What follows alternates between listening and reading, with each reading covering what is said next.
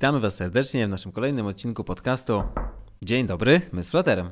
Ja nazywam się Łukasz Szatkowski i jest ze mną Paweł Zawiślak. Dzisiaj omówimy temat bardzo istotny dla osób początkujących. Dokładnie. A będzie to mianowicie jak zacząć przygodę z Flutterem. E, więc Pawle, opowiedz nam, jak zacząć przygodę z Flutterem. No najważniejsze jest to, żeby był była chęć i ciekawość, no bo od tego się wszystko zaczyna. No i tak naprawdę komputer, bo komputer jest niezwykle przydatną rzeczą w programowaniu.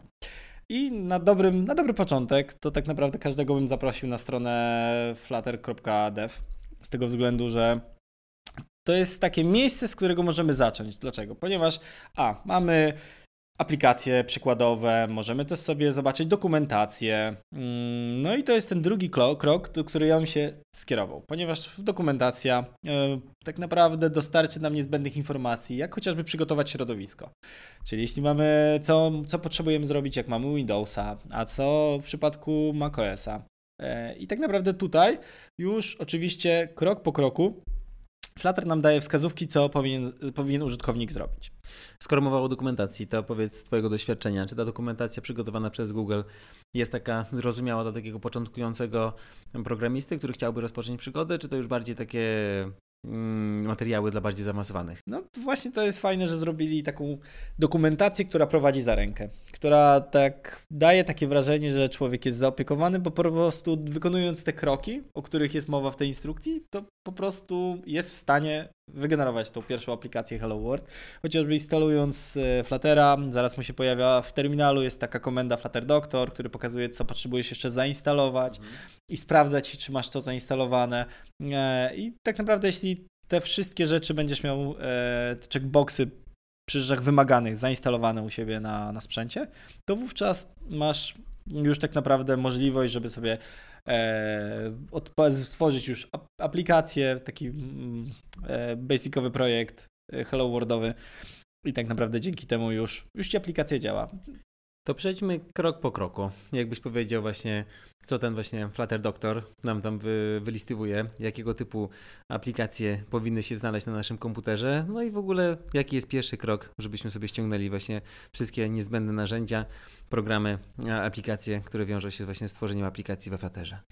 A więc, jeśli chodzi o kwestie na pewno rzeczy, których potrzebujemy, to potrzebujemy sobie ściągnąć Fluttera, więc go sobie ściągamy zazwyczaj najnowszej wersji jeśli myślimy o tym, żeby po prostu uruchomić sobie e, projekt. Następnie na pewno będziemy potrzebować Androida. Tu więc ściągamy sobie Android Studio. Jeśli mamy Maca i chcemy od razu Androida i Xcode'a, żeby też tę aplikację uruchomić, więc tego Xcode'a będziemy potrzebować. E, potrzebujemy przeglądarki Chrome, e, żeby móc odpalać aplikacje webowe. Visual Studio Code to jest bardzo dobre IDE do, do korzystania, czyli ten program, gdzie możemy po prostu pisać, e, pisać, pisać programowanie. Oczywiście możemy też korzystać z innych IDE. E, I jak najbardziej też to jest możliwe, czy w Androidzie Studio, czy też mm, chociażby w IntelliJ'u. E, potrzebujemy mieć emulator, który albo mm, rzeczywiste urządzenie, które jesteśmy w stanie sobie podpiąć, no i tak naprawdę mm, dostęp do internetu, no bo jeśli chcemy korzystać sobie z, pobierać rzeczy i tak dalej, to więc tam się to po prostu de facto przyda. To jasne. A powiedz, mm, jakbyśmy chcieli stworzyć aplikację pod iOS-a, to czy możemy wykonać całość prac bezpośrednio właśnie na platformie Windows z użyciem też e, emulatora androidowego albo z fizycznego urządzenia androidowego i będziemy mieli pewność, że to zadziała też na iOSie, czy to jest jednak tak, że musimy na ostatnim tam kroku jednak to sprawdzić, przetestować i mieć pewność, że na iOSie też to tak samo wygląda jak na, na tym e, na Androidzie. Jeśli chodzi o kwestię mm, odpalenia na pracy, na przykład na developmencie, mm, wróć. Pracujemy sobie po prostu na Windowsie i wydajemy sobie na Androida, więc cały czas korzystamy czy z emulatora, który dostarcza nam Android Studio, czy mamy po prostu fizyczne urządzenie. Mm, I w tym przypadku, jeśli chcielibyśmy uruchomić aplikację, czy zbudować ją dla posiadaczy e, iPhone'a, to w tym przypadku potrzebujemy już bezpośrednio komputer. Znaczy, tutaj już rozmawialiśmy na ten temat wcześniej, jednak ten komputer po prostu będzie niezastąpiony, mhm. jeśli chodzi o kwestię tego developmentu i mm, to jest takie najbardziej wygodne rozwiązanie z możliwych. No i wówczas wtedy, jak z, mamy już komputer, dostaliśmy, wujek nam pożyczył, kupiliśmy sobie, ktokolwiek nam dał, udostępnił, to e, odpalając mm, tak naprawdę tą aplikację, to to oczywiście warto sprawdzić, no bo ze względu na to, że wypuszczając aplikację w ciemno, zawsze może coś nas zaskoczyć, szczególnie jeśli jesteśmy na początku naszej drogi. E, mogliśmy czegoś nie uwzględnić, na przykład jakieś pozwolenia potrzebujemy po prostu dodać, bo na przykład nasze urządzenie korzysta z kamery, a, go, a nie uwzględniliśmy tego pozwolenia, uwzględniliśmy dla e, Androida, ale nie uwzględniliśmy dla iOS-a, bo nie czuliśmy takiej potrzeby, więc na pewno warto, warto jeszcze to przejrzeć. Aczkolwiek jeśli chodzi o kwestię dostarczenia, to to będziemy mieć tą aplikację zbudowaną jak najbardziej i tego, że użytkownik będzie mógł korzystać. A odnośnie IDE, to Visual Studio Code jest e, Twoim zdaniem najlepszym rozwiązaniem, co chodzi o pisanie aplikacji we Flutterze? Jak dla mnie to tak. Ja na co dzień korzystam z VS Code'a i powiem szczerze, że daje dużą okejkę.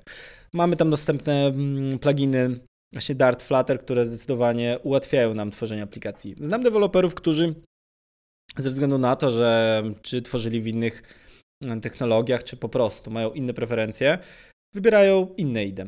Czy chociażby Android Studio, czy właśnie niektórzy przychodząc z backendu wybierają IntelliJ'a i też jest ok. Też jak najbardziej można pisać aplikacje mhm. korzystając z tych rozwiązań. Dobrze, to skoro mamy omówiony ten początek, to, to przejdźmy może tam dalej.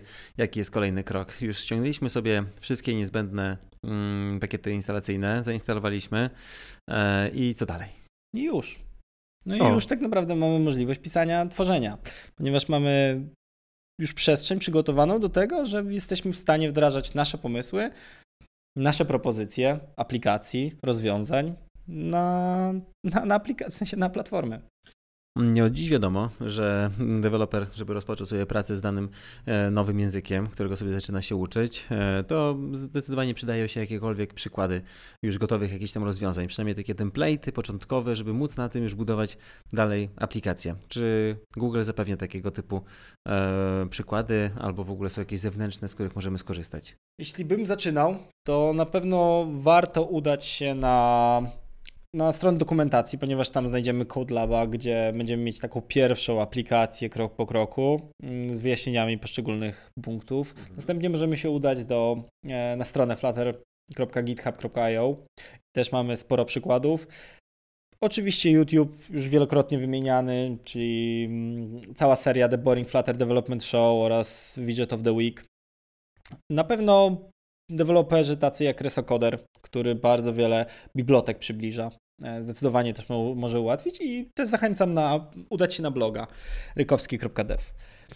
I myślę, że na dobry początek, żeby tak ktoś mógł wejść, kto chce, to zdecydowanie pozwoli mu to mm, otworzyć pewną nową przestrzeń. To jak widać, setup całego środowiska jest dziecinnie prosty, więc nie zostanie nic innego, jak po prostu rozpocząć swoją przygodę z Flutterem. E, to podsumujmy. No to nasze rozmowy zaczęliśmy od opowiedzenia, czym jest Flutter, jaka jest jego geneza i właściwie czym jest wieloplatformowość. Ponadto porozmawialiśmy o wieloplatformowości w kontekście innych rozwiązań niż Flutter. Przeprowadziliśmy analizę SWOT.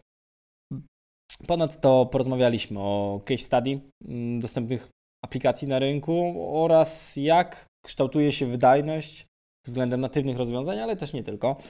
Staraliśmy się odpowiedzieć na, na pytanie, czy Flutter to właściwa technologia, której powinienem użyć, tworząc kolejną aplikację. A na koniec mm, staraliśmy się przybliżyć, jak można wystartować swoją przygodę z Flutterem. To wygląda na to, że to już jest koniec naszego cyklu. Chyba tak. No, no na koniec pozostaje nam nic innego, jak zaprosić wszystkich naszych słuchaczy na bloga. Oczywiście tam znajdziecie artykuły do każdego odcinka podcastu. Ponadto zapraszamy do kontaktu na mediach społecznościowych, na LinkedIn, e, na konto Łukasz Lotkowski oraz Paweł Zawiślak. I co? Było odlotowo? Odlotowo jak zawsze. Cześć.